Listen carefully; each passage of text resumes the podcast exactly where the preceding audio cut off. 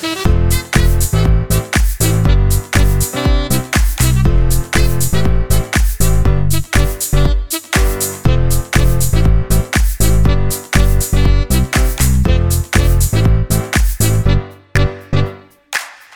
wat leuk dat je weer luistert naar een nieuwe podcast. In deze podcast wil ik de ondernemer aanspreken die eigenlijk al, nou pak een beet, een jaartje of twee, drie best wel steady een bepaalde omzet draait, maar daar niet bovenuit lijkt te komen. Nou, zoals je weet, ik werk heel graag met ondernemers die echt een hoog ambitieniveau hebben. Dus die ja, net als ik, hun grootste potentieel willen benutten, omdat ze weten dat ze van enorme toegevoegde waarde zijn voor anderen. Nou, ik vind het zelfs een beetje egoïstisch als je je eigen potentieel niet benut, omdat je daarmee andere mensen een heel mooi groeiproces ontneemt. Ik bedoel, je hebt een expertise, daar ben je knijter goed in. Je klant heeft een specifiek probleem of een uitdaging. En jij hebt de oplossing daarvoor. Nou, nu gaat het even niet zozeer om die klant die jij helpt, maar het, ik spreek jou in deze podcast aan. Want wat ik een beetje zie gebeuren, en dat is wat ik met jou wil bespreken in deze podcast. Stel je doet al een jaartje of twee, drie, nou laten we zeggen een mooie 2 ton op jaarbasis. Nou, je zit op dit moment ook best wel lekker in je kosten. Mijn klanten adviseer ik altijd ongeveer 30 tot 40 procent mag opgaan aan kosten slash investeringen. Want ik leer mijn klanten al in een heel vroeg stadium, dat zijn eigenlijk ook de drie pijlers wat ik doe in al mijn trajecten. Het aantrekken van hoogwaardige klanten, dat zijn klanten met wie je gewoon lekker levelt, hebben een hoge loyaliteit, zitten niet zo op het geld, maar die willen gewoon de kortste weg naar succes. Nou, tweede pijler daarin is dat ik vooral vanaf het begin af aan de focus leg op het genereren van meer winst. Dus niet zozeer meer omzet, maar meer winst. Want dat is uiteindelijk wat je onderaan de streep overhoudt. En de derde is hoe je strategisch slim gaat werken. Dus 20% van je tijd en energie ga je steken in datgene wat je 80% aan resultaat oplevert. Nou, dat betekent eigenlijk gewoon dat je ervoor moet zorgen dat je een aantal hele goede lead generatoren hebt. Die echt voor je werken en die je aan de lopende band goede gekwalificeerde leads aanleveren. Nou, wat je op een gegeven moment ziet bij ondernemers die bijvoorbeeld, en nogmaals even nu het specifieke uh, probleem is bijvoorbeeld uh, twee jaar lang doe je al, nou zeg twee, drie jaar lang doe je al een beetje zo rond de twee ton. Nou, ik zie vaak dat de ondernemers die bij mij in de higher level komen, die hebben vaak hele andere uitdagingen. Die hebben niet meer de uitdaging als hoe kom ik uh, aan klanten. Nee, er zijn gewoon hele andere uitdagingen. En vaak weten ze wel dat een strategie goed gewerkt heeft. Maar om echt nu te kunnen opschalen naar dat half miljoen of zelfs naar dat miljoen, ergens lukt ze dat niet. Nou, ik help ze om dat puzzelstukje te gaan vinden. En ik ga dat eventjes met een metafoor uitleggen. Kijk, soms worden ondernemers ook een beetje lui. Als in, aan de ene kant zie ik dat ze knijter ongeduldig zijn. En aan de andere kant zijn ze op een gegeven moment ook een beetje lui. Want als je op een gegeven moment weet hoe je omzet kan genereren, ja, dan kan je ook gewoon een beetje lui worden. Nou, lui worden is wel verkeerd, want je hebt je strategieën te blijven testen, te blijven optimaliseren. 75% staat vast en met 25% blijf je spelen. Nou, en wat ik dan vaak zie is als ondernemers willen gaan groeien, dan gaan ze ineens alles wat heel lang voor ze heeft gewerkt, en ik moet er gewoon om lachen, gaan ze ineens van de baan schuiven. Gaan ze ineens niet meer doen. Dus ik ga altijd terug naar, oké, wat heeft heel goed voor je gewerkt in de afgelopen jaren? Zo sprak ik laatst een ondernemer en die zei, ja, eigenlijk komt het ons nu aanwaaien. En we hadden een tijdje terug, hadden we uh, zeg maar van die avonden georganiseerd. En dan konden we mensen een, een klein beetje ad, uh, gratis advies geven. En vanuit daar konden we altijd wel weer nieuwe klanten aantrekken. Nou, en toen vertelde deze ondernemer mij, ja, dat doen we nu niet meer. En toen zei ik, ja, maar waarom doe je dat niet meer? Ja, omdat we nu heel druk zijn, omdat er ook heel veel klanten vanuit ons netwerk komen. Ja, fantastisch. Dat is dus kennelijk één lead generator. Uh, lead generator, jeetje, ik uh, val struikel eventjes over dat woord. Um, en ik zei, maar wat doe je als dat straks stopt? Hè? Want het is natuurlijk zo met lead-generatoren, die kunnen af en toe ook even een dipje vertonen. Nou, en dan zie je vaak paniek ontstaan bij de ondernemer. Dan gaan ze ineens andere dingen doen. Dan word je zo'n zigzagger. Terwijl ik denk van ja, maar wacht even. Als die avonden heel goed voor jou hebben gewerkt. Ja, wat maakt dan dat je daarmee stopt? En dat is dus één ding wat ik zie gebeuren. Maar wat ik ook zie gebeuren in de praktijk is een ondernemer die zet een nieuwe strategie op. En dan wat je op een gegeven moment ziet is, en die strategie is even het brood wat ze in de oven doen. Maar wat ze iedere keer doen is iedere keer die oven openen om te kijken of die strategie werkt. Maar wat denk jij dat er gebeurt als jij een brood aan het bakken bent en jij trekt iedere keer die oven open? Wat denk je? Dat dat, dat brood tijd heeft om uh, mooi en uh, krokant te bakken. Nee, als jij de hele tijd kijkt of het brood wel bakt, of het allemaal wel werkt, ja, dan krijgt zo'n brood ook niet de kans. Nou, ik vind dit een hele mooie metafoor van wat ondernemers doen. Dit is ook de klassieke fout waarom ondernemers niet verder groeien. A, ook vaak een beetje vanwege de attitude. Zo van ja, maar ik ben al zo lang ondernemer en ik weet het nu allemaal nog steeds wel. Nee, want hoe meer je weet, hoe meer je beseft dat je nog maar zo weinig weet. En bovendien, je hebt de ondernemers die overeind blijven, zijn de ondernemers die zich kunnen aanpassen aan veranderde marktomstandigheden. En het is nu eenmaal zo met een strategie, als die heel lang voor je heeft gewerkt, dan kan het zomaar zijn dat die op een gegeven moment niet meer voor je werkt. Dus dat maakt ook dat ik adviseer: zorg dat je drie tot vijf hele goede strategieën, oftewel lead generatoren hebt, die jou aan de lopende band leads opleveren. Met één ben je veel te kwetsbaar.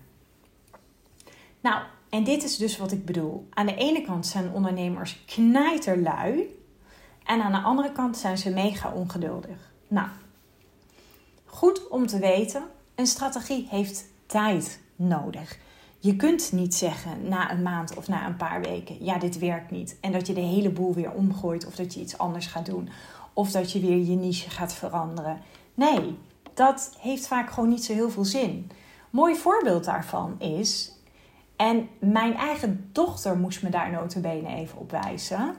Kijk, en ik deel natuurlijk soms ook eventjes persoonlijke dingen, maar dat maakt het gewoon ook natuurlijk een beetje echt. En tegelijkertijd vind ik dit een heel mooi voorbeeld. Zij heeft denk ik al sinds een jaar, ze is, um, volgende week wordt ze 17, mijn middelste. En zij heeft denk ik al sinds een jaar heeft zij uh, op haar wang wat acne. Heb ik dit al eens eerder verteld in een podcast? Nou, ik weet het eigenlijk niet. Echt gewoon aan één wang. Nou, ik heb een dijk van een schoonheidsspecialiste, Laura. Daar ga ik één keer in zoveel tijd naartoe. Ik heb melasme en Laura heeft me onwijs geholpen.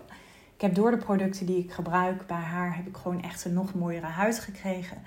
En los daarvan, ja, ik ben gewoon 44. Dus bij mij gaat de elasticiteit en de hele veroudering gaat natuurlijk ook gewoon in werking treden.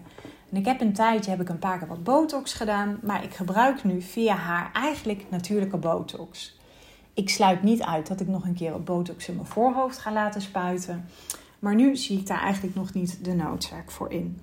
Nou, Sophie ging naar Laura. Laura heeft haar behandeld. Nou, uiteindelijk uh, zag je op een gegeven moment wat mildheid. En toch komt het bij tijd en wijle terug. Nou, nu ben ik gestart met haar met probiotica. En iemand maakte mij attent op, uh, je moet eigenlijk gewoon um, ehm, 100% wortelsap gaan drinken.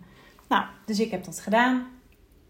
En toen zei, ze, toen zei ik tegen haar van nou Sof, misschien moeten we dan toch naar de huisarts gaan en eventjes langs de dermatoloog. Want het kan ook zijn dat gewoon een antibiotica zalfje heel goed is. Nou, even los van het feit dat wij natuurlijk steeds allemaal met z'n allen resistenter worden voor antibiotica. Omdat wij pillen massaal door het toilet spoelen, maar antibiotica tot ons nemen. En dat allemaal gewoon in de riolering terechtkomt en in ons voedselketen. En daardoor steeds meer resistent worden.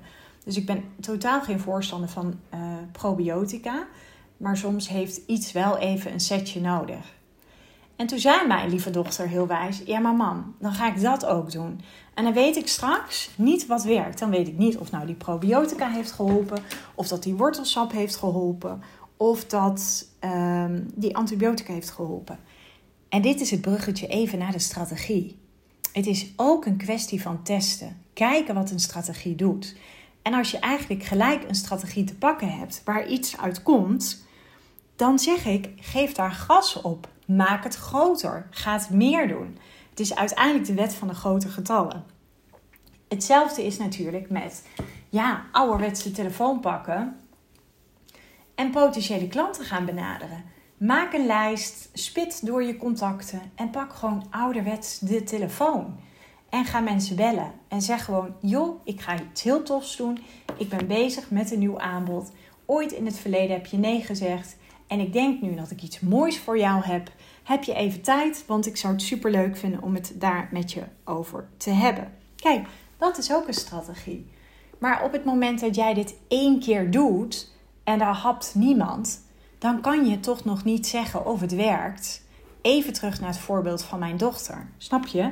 Als ik haar twee dagen probiotica laat slikken, of dat ze probiotica gebruikt, ze drinkt het in dit geval, het is een poedervorm, dan kunnen we toch nog niet zeggen of het werkt. Dingen hebben tijd nodig. En dus vraagt het van jou als ondernemer gewoon best wel een portie geduld. En dat is vaak de hele reden waarom ondernemers bijvoorbeeld moeizaam kunnen doorstoten van bijvoorbeeld die 2,5 ton naar dat half miljoen of naar dat miljoen. Dat zit hem vaak aan de ene kant heel erg in de wat, maar aan de andere kant zit het hem ook weer in het feit van je hebt op dat niveau iemand nodig die je daarin spiegelt die je confronteert met een patroon. Want heel vaak is het niets meer dan een patroon. Ergens aan beginnen en het vervolgens eigenlijk niet afmaken of het niet laten gedijen of het laten renderen. En nu komt de grote vraag: hoe komt dat? Ja, omdat dit gewoon een staaltje bedrijfsblindheid is. En ja, daar hoef je echt geen familieopstelling op te doen. Je hoeft ook niet helemaal jezelf te gaan helen of wat dan ook. Nee, het is gewoon een praktisch probleem. En praktische problemen vragen om praktische oplossingen. Is het erg? Nee, het is niet erg. Maar het is wel vaak zo'n fase in je onderneming. Vooral als je gewoon al een paar jaar voelt van... ik blijf een beetje hangen op die, uh, nou ja, laten we zeggen 2, 2,5 ton. Dan zit het hem 9 van de 10 keer in het feit dat je echt even heel kritisch hebt te kijken naar je strategieën en even teruggaat naar de basis. En dat doe je door gewoon heel eerlijk te kijken naar: oké, hoeveel strategieën heb je nu? Ik sprak laatst een ondernemer, zij draait 2 ton. Puur alleen maar haalt ze haar klanten uit Instagram. Dat doet ze denk ik al zo'n anderhalf jaar heel succesvol. En toen vroeg ik aan haar van oké, stel er gebeurt iets met Instagram, wat dan ook. Heb je in de gaten hoe kwetsbaar je bent? En toen vroeg ik haar welke strategie heb je nog meer? En zei ze, oh, dat weet ik eigenlijk niet. Nou, toen heb ik dat eventjes zo via de DM met haar besproken. En toen ineens zag ze van, oh, ik heb eigenlijk nooit zo naar mijn bedrijf gekeken ik heb dit eigenlijk altijd een beetje op goed geluk gedaan. Dat is super goed, hè? Ik bedoel, als dat voor je werkt, is dat fantastisch. En kijk dan hoe je dat kunt gaan opschalen, hoe je dat kunt gaan vergroten. En opschalen kan ook betekenen, want voor mij zat bijvoorbeeld afgelopen jaar zat de grootste groei in het aannemen van mensen. In het ehm, ja, zeg maar mensen die mij gingen ondersteunen. Nou, dat heeft gewoon ontzettend in mijn bedrijf. Dat heeft gewoon ontzettend veel voor mij betekend. Maar ook door heel kritisch te gaan kijken naar ja, hoeveel mensen kan ik nou daadwerkelijk helpen qua capaciteit in de higher level. Nou, ik wist dat ik, ik, wist dat ik iets met de start-up ernaast wilde gaan doen. Nou, dan ben ik ook echt heel kritisch gaan kijken naar hoeveel vraagt het van mijn tijd. Want ik weet, als het weer wat vraagt van mijn tijd, weet ik ook dat het weer ten koste gaat van een stukje aan mijn bedrijf werken, zoals mijn sales en marketing. En dat is niet erg, maar dan betekent het wel dat ik daarvoor andere keuzes heb te maken. Nou, in mijn geval betekende dat, oké, dan mag ik meer gaan uitbesteden. En dat betekende voor mij ook dat ik uh, ging experimenteren met een aantal nieuwe lead-generatoren. En die laat ik echt gewoon eventjes lekker met rust. Die laat ik echt eventjes gewoon sudderen. Ik ben daarin super consistent. Maar het is niet de hele tijd dat ik de oven opentrek en kijk of het uh, uh, brood wel bakt. Kijk, ik heb het hier niet over betaalde advertenties, want daar moet je met je neus bovenop zitten. Nou ja, zelf doe ik niks met betaalde advertenties. Ik uh, wil nog steeds organisch groeien. Ik wil overigens niet zeggen dat het niet kan.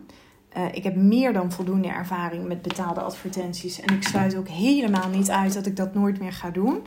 Alleen voor nu voel ik de urgentie gewoon niet, omdat ik gewoon een aantal hele goede lead generatoren heb, die gewoon heel goed voor mij werken.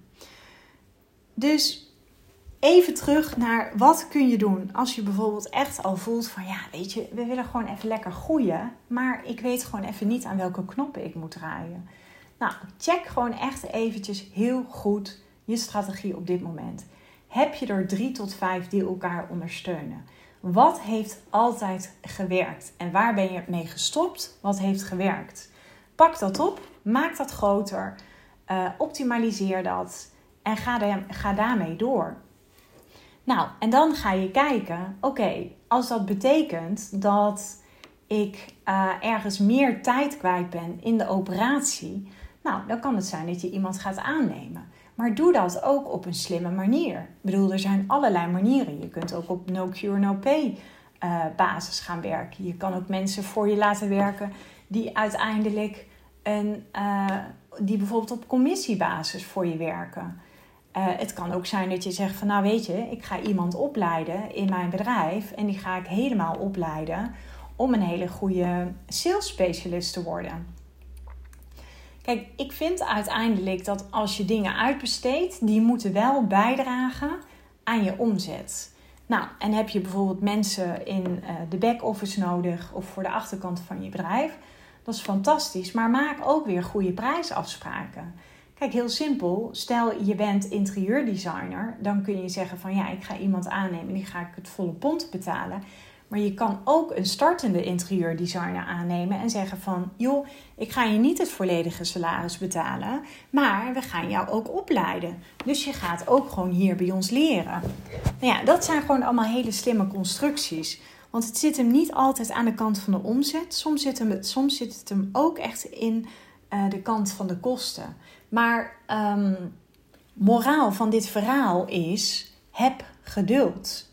Zorg dat je drie tot vijf strategieën hebt, het liefst vijf, die elkaar ondersteunen. Blijf doen wat werkt. Wil je opschalen in omzet, het woord zegt het al, of sterker nog liever in winst, dan heb je dus ergens ook op te schalen in je bedrijf. Dat kan zijn in mankracht, dat kan zijn in, um, nou ja, in je prijzen. Het woord zegt het eigenlijk al. Als jij wil gaan opschalen in winst of in omzet, dan heb je dus ergens in je bedrijf op te gaan schalen. Kijk, uiteindelijk is het allemaal niet zo heel moeilijk. Je moet het alleen wel even zien. En laat dat nou de grootste moeilijkheid zijn. We kunnen dat vaak zelf helemaal niet zien. Ik bedoel, ik weet niet hoe het bij jou werkt. Maar ik kan andere mensen heel goed helpen. Maar mijn eigen blinde vlekken in mijn bedrijf. En gelukkig heb ik iemand die mij daar knijter goed op spiegelt die me af en toe ook even lekker bij de lurven grijpt. Ja, dat is hartstikke moeilijk. En ja, waarom is dat? Ja, omdat we er zelf onderdeel van zijn. Omdat we gewoon te dichtbij staan. Omdat we gewoon te veel betrokken zijn. Ik weet nog dat ik vroeger uh, wat jonger was en toen waren mijn kinderen wat kleiner. En toen had ik uh, met een van mijn kids wel eens een beetje gedoe.